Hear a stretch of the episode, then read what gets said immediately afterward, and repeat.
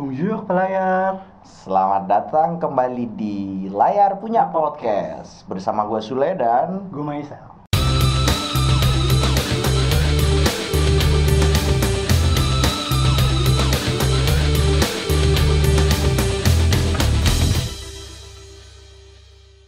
Eh, Kali ini setelah pada episode pertama kita bicara tentang mengapa film Hollywood mendominasi perfilman di Indonesia Kita akan berbicara tentang seorang sinias yang namanya itu sudah melanglang buana barangkali Yang namanya sudah dikenal oleh sinias-sinias sedunia. Ya, dia namanya adalah Jokan, orang-orang memanggil atau Joko Anwar. Yo ih Joko Anwar. Ngomong-ngomong tentang Joko Anwar, kenapa Joko Anwar itu bisa menjadi sepopuler sekarang? Memang siapa sih dia itu sebenarnya gitu? Joko Anwar itu adalah seorang pria kelahiran Medan. Oke. Dia SMA-nya di Medan. Ya ya ya. Lalu ya, ya. setengah SMA-nya melanjutkan ke Amerika di Oke. West Virginia kalau nggak salah. Mm, Dan balik lagi ke Indonesia di ITB. Dia di ITB. masalahnya jurusan kuliahnya adalah teknik penerbangan kalau nggak salah. Jauh Teknik- banget ya dari Dari film. teknik penerbangan kemudian perfilman. jadi, si di sinias. Jadi nggak nyambung ya. secara pendidikannya emang gak nyambung. Oke, ya, ya, emang Tapi lucu sih. Pekerjaannya Oke. karena dia sejak kecil dia suka banget film, Hmm. dia suka nonton film, suka ke Hmm. bioskop, film horor. Iya. Bari Prima itu katanya favoritnya itu. Oke. loh. Dan dia dapat dia bekerja sebagai seorang wartawan di, Wartawan di Jakarta Post. Jakarta Post, ya. Dia sering meliput tentang film dan dia juga seorang Hmm. kritikus film. Kritikus film. Kira-kira dia nggak jauh beda sama sinias Prancis yang Hmm. namanya hmm, François Truffaut. Iya. Kalau pelayar yang belum dengar dia itu sutradara yang membuat film yang judulnya Le Quatre Sangku atau 400 Blows.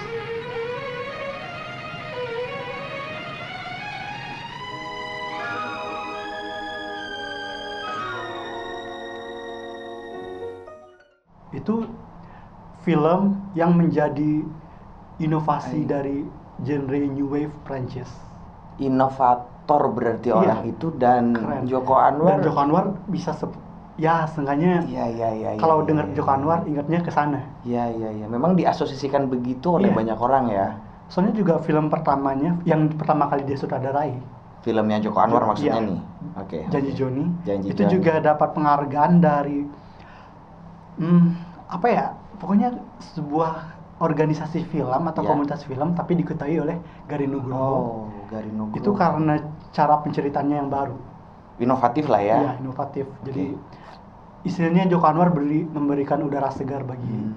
sinias Indonesia dan penikmat film Indonesia. Masuk akal sekali Hmm. Joko Anwar.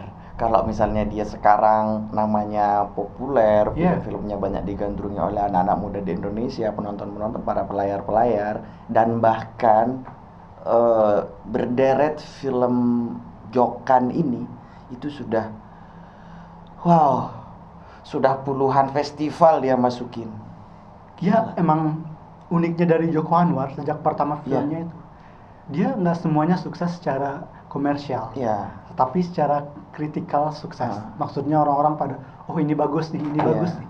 Sayangnya Iya. di komersialnya nggak sesukses itu. Ya begitulah kadang-kadang eh, kenapa pada episode pertama kita bahas tentang kenapa di bioskop itu terkadang Banyak film ada Hollywood. film Hollywood yang antriannya lebih panjang daripada film-film Indonesia. Indonesia. gitu. Ya begitu. Kadang-kadang kita tuh belum siap menonton film yang bagus. Karena mungkin kita Mungkin sedikit ya. insecure kali ya sama SDM SDM lokal gitu kan. Oh ini lokal apa sih yang dia bisa? Stigma itu dibangun di masyarakat. Jadi kalau mau nonton film Indonesia, salah satunya mungkin Joko Anwar gitu. Jadi oh film Indonesia, memang nggak ada film Hollywood yang yang bagus di bioskop gitu. Kalau ada nih, biasanya mereka itu nonton gitu. Lebih Nah, iya, kembali ke Joko Anwar. Nampaknya film-film Jokan ini sangat menarik mulai dari Janji Joni sampai ke yang terakhir itu apa gitu. Ya dia termasuk salah satu orang yang bisa dikatakan memperlihatkan ke penonton kalau Oh. dia bukan cuma sekedar berbicara, Ya. tapi karyanya yang berbicara. Oke. Kalau dilihat dari film-filmnya ya seperti Sebuah Dan- film lahir diciptakan, disutradarai oleh Joko Anwar yang sebenarnya semua orang bisa melakukan tetapi mereka tidak melakukannya dan Joko Anwar itu berhasil melakukan itu.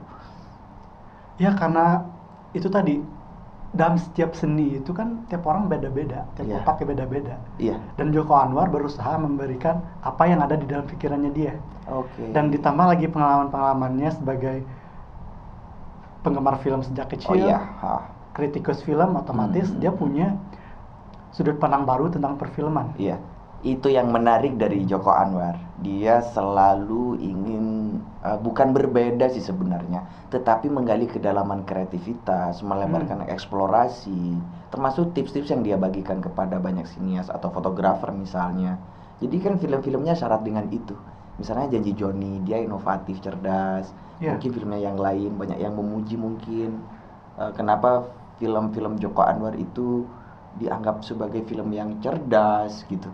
Ya Joko Anwar tidak stuck gitu ya, dia tidak diam di satu titik dengan sebuah film misalnya Janji Joni, oke deh Janji Joni ini filmnya bagus gitu, kemudian Joko Anwar puas tidak kan ya? Dia kan selalu menggali. Joko Anwar tipe sutradara yang sepertinya tidak bisa diam diri di zona nyaman. Ya, Dia cukup lihat kalau dilihat dari karya-karyanya cukup variatif ya. Dia Ya. bisa komedi, janji Joni, oke. janji Joni komedi, Joni. Terus balik ke Kala. Nah, Kala. Kala itu menarik karena itu adalah bisa dikatakan salah satu inovator dari film Nuah Indonesia. Oh, Jadi bentar, Noah, Noah, no N O I R. Ya, itu dari bahasa Prancis artinya hitam. Enggak kalau kalau gue yang bilang karena nggak ngerti kan dia Oh. noir aja Oh, gitu. iya. Jadi- Jadi kita film layar nih noir sorry. Kalau gue bilang noir itu artinya apa? Noah. Film Noah, gitu. Karena itu memang iya. bahasa Prancis artinya apa itu? Hitam, artinya? hatinya hitam. Hitam atau kelam gitulah ya. Iya, kelam. Oke. Jadi awalnya sebenarnya film-film Noah itu kan dari film hitam putih Hmm. yang bukan harus hitam putih, Hmm. tapi film yang kelam yang berbicara yang lampu pencahayanya sedikit Iya. atau dalam fotografi atau perlukisan Atau kalau dari alur cerita mungkin dia bicara kriminal mungkin. ya. Ya dalam dalam awalnya dalam dalam Ah. sinematografi ah. dalam pencahayaan, tapi lama-lama di modern itu lebih ke penceritaan. Oke. Kelam itu seperti sesuatu yang ya seperti yang diceritakan oleh di film Kala. Di film Kala. Dan uniknya Kala itu juga menjadi film yang bisa kita bilang sesuatu yang di saat bersamaan Iya. jauh Ah. karena itu film noir yang Iya. pertama di Indonesia. Iya, yang pertama. Namun di saat bersamaan itu dekat karena kita selalu berbicara tentang Ratu Adil dan di sana juga bercerita tentang, tentang Ratu, Ratu Adil. Adil ya. Tentang ya tentang seorang pengua, seorang pemimpin, bukan Hmm. pemimpin juga ya di sana. Hmm. Seorang yang membawa Ya dia punya kekuasaan Hmm, lah di iya, situ. keadilan dan sebagainya Ah, kan. iya. Nah berbicara tentang Joko Anwar nih, Ah, menurut Sule sendiri, apa benar dia sehebat itu? Apa benar dia itu kayak seorang sutradara yang nggak ada negatifnya sama sekali? Atau malah ada, hanya saja kurang disadari?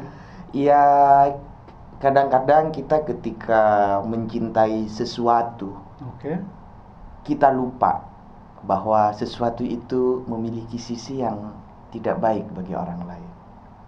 Kita tidak boleh mencintai sesuatu tetapi menutup mata kita untuk tidak melihatnya secara genuine atau murni. Pasti ada. Joko Anwar tidak semua filmnya itu eh, bagus, tidak punya kekurangan. Mulai dari mungkin mulai dari fiksi yang dia tulis gitu oke. terus janji Joni yang dia sutradarai sampai ke Kala eh, pintu terlarang perempuan tanah jahanam pengabdi setan Gundala dan yang lain-lain dan yang lain-lain itu tidak banyak ya karena baru ada delapan yang Joko Anwar sutradari dan ini mau ke sembilan kan ada banyak kekurangan sebenarnya gitu tetapi itu bukan berarti film itu jelek Iya ya, setuju. Hmm. Soalnya kalau pas nonton Joko Anwar sendiri, gue juga ngerasa ada beberapa hal yang har- bisa diperbaiki Iya, sebenarnya. iya. Kalau mau didaftarin nih, pertama gue kadang kurang serak sama dialognya. Oh, Oke, dialog pelayar. Dialog Kalau pelayar setuju bahwa dalam beberapa dialog Joko Anwar di film Joko Anwar itu tidak kurang menarik barangkali komen di bawah coba apa saja selain itu Maisel ada lagi selain dialog apa ya? Pokoknya kalau dialog itu kadang dia terasa terlalu dibuat-buat. da- di dalam waktu tertentu nggak semuanya Oke. beberapa ada yang benar-benar mengalir Dibuat-buat. Beberapa ada yang benar-benar mengalir Hmm. cuma di beberapa adegan yang terasa dibuat-buat Hmm. seperti kalau di film Gundala itu ada salah satunya di adegan saat Marisa Anita menemui teman bapak teman suaminya Hmm. Ibunya Sanjaka. Iya saat ibunya Sancaka Ya. menemui teman teman suaminya Oke. dan di situ ada dialog yang Hmm. gue udah lupa apa tapi pokoknya nggak kena sama sekali Iya. itu mengingatkan gue sama film Wes Anderson Or somebody spoke his language. Oke.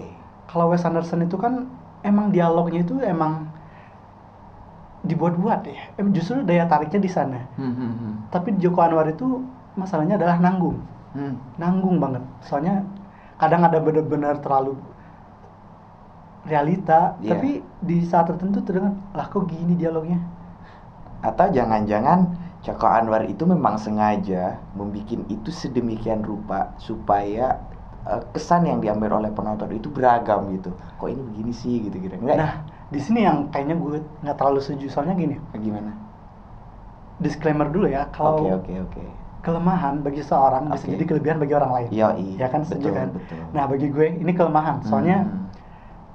ini bukan bukan memperlihatkan kalau Joko Anwar tuh sedang bereksperimen Iya, iya. Tapi bagi gue dalam dialog-dialog kayak gini justru memperlihatkan kalau dia itu kecolongan, seperti Oh. kecolongan. Ciri khas Joko Anwar itu ya dia kan kayak di kala misalnya. Oke. Dia tuh suka mem- memakai petunjuk arah seperti di mana di Tenggara, Tenggara, di utara, Iya. di timur gitu Ah, kan. Iya.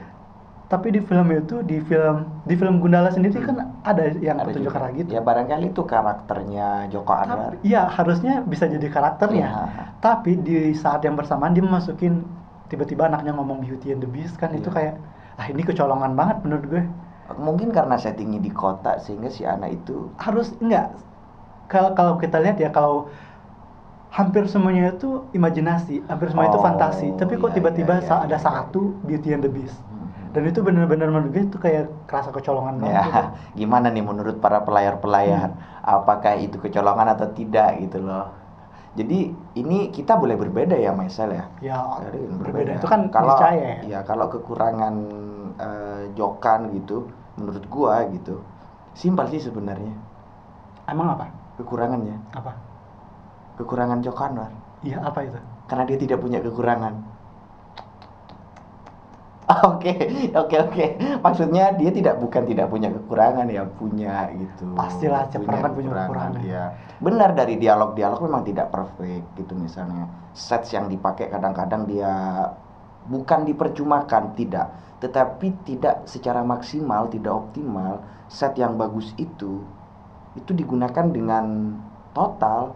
Jadi kayak itu udah bagus banget, tetapi alur cerita yang dipakai digunakan itu tidak seimbang dengan set yang sangat bagus luar biasa itu.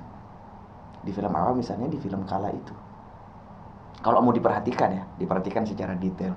Itu mungkin karena zamannya kali ya atau gimana ya? Iya, zamannya itu memang udah bagus, set setnya udah sangat Iya. bagus, tetapi misalnya tadi ada sebuah dialog yang kurang menarik atau eksperimen yang Iya, yang yang eh, kelihatan norak barangkali Iya bisa dibilang begitu. atau ketahuan ya oleh penonton kalau itu ini eksperimen gitu. Jadi lucu banget gitu ya.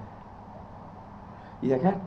Tapi yang gue yang gue permasalahin ya nggak apa kata gue sih nggak apa-apa ya kalau orang mengkritik ya. Iya bebas dong. Ya bebas, maksudnya ya kritik itu bagus apalagi dalam hal kesenian kan dalam film itu kan Iya bebas bebas. Dan masalahnya gini, Joko Anwar bukan berarti dia harus anti kritik dan nggak merasa dia ya udah itu gaya gue. Oke iya. Justru walaupun dia udah benar-benar nggak bisa di diabaikan lagi kalau sebenarnya dia emang orang orang seorang sutradara yang berkualitas. Iya berkualitas Tapi dan bukan dia sudah dia dapat punya- banyak pujian. Iya. Misalnya dari banyak wartawan, ada wartawan Time misalnya, Hmm. wartawan untuk majalah Hollywood misalnya. Iya dia emang sering sering banget kan dipuji. Bahkan ada orang yang siapa ya di report Hollywood Reporter gitu. Iya, ya. Hollywood orang yang Reporter. sama yang bilang kalau Molly Surya itu udah menciptakan sebuah genre baru yaitu sati western. Dan Iya. dia juga bilang kalau Joko Anwar itu Iya. bakal bikin Hitchcock itu iri dengan dia atau Moldovar iri dengan karyanya. Iya iya tapi yang pasti Joko Anwar itu dia namanya sudah mendunia ya. Oke. Oke dia dapat banyak penghargaan dari dunia kita sedang menunggu film dia yang ke-9. Nah, pertanyaan terakhir ini ya. Apa? Apa film yang dia suka? Pengabdi Setan itu adalah film gua yang paling suka. Oke. itu pelayar. Kita tidak akan habis bicara Joko Anwar. Dia adalah seniman besar, dia sutradara, dia sinias, dia penulis skenario yang baik. Dan dia sekarang lagi berbicara tentang film dia yang ke-9 yang kita tidak tahu apa itu judulnya. Tapi yang pasti di postingan Instagramnya ada 8 film Myself, ya kan kita lihat. Ternyata di kolom yang ke-9 itu dia cuma ada kayak M M sama dan U. U. Apa itu kira-kira? Itu mungkin kejutan terbaru kali. Kejutan terbaru buat pelayar-pelayar dan kita harus mengakhiri ini karena waktunya tidak panjang, Myself. Sayang sekali ya. Padahal Ya, kita pengen sekali. ngobrolnya banyak banget ya. Ini aku sudah bergairah dan bersemangat sekali untuk berbicara tentang Joko Anwar yang gua puja-puja. Iya. Oke, thank you pelayar. Au revoir.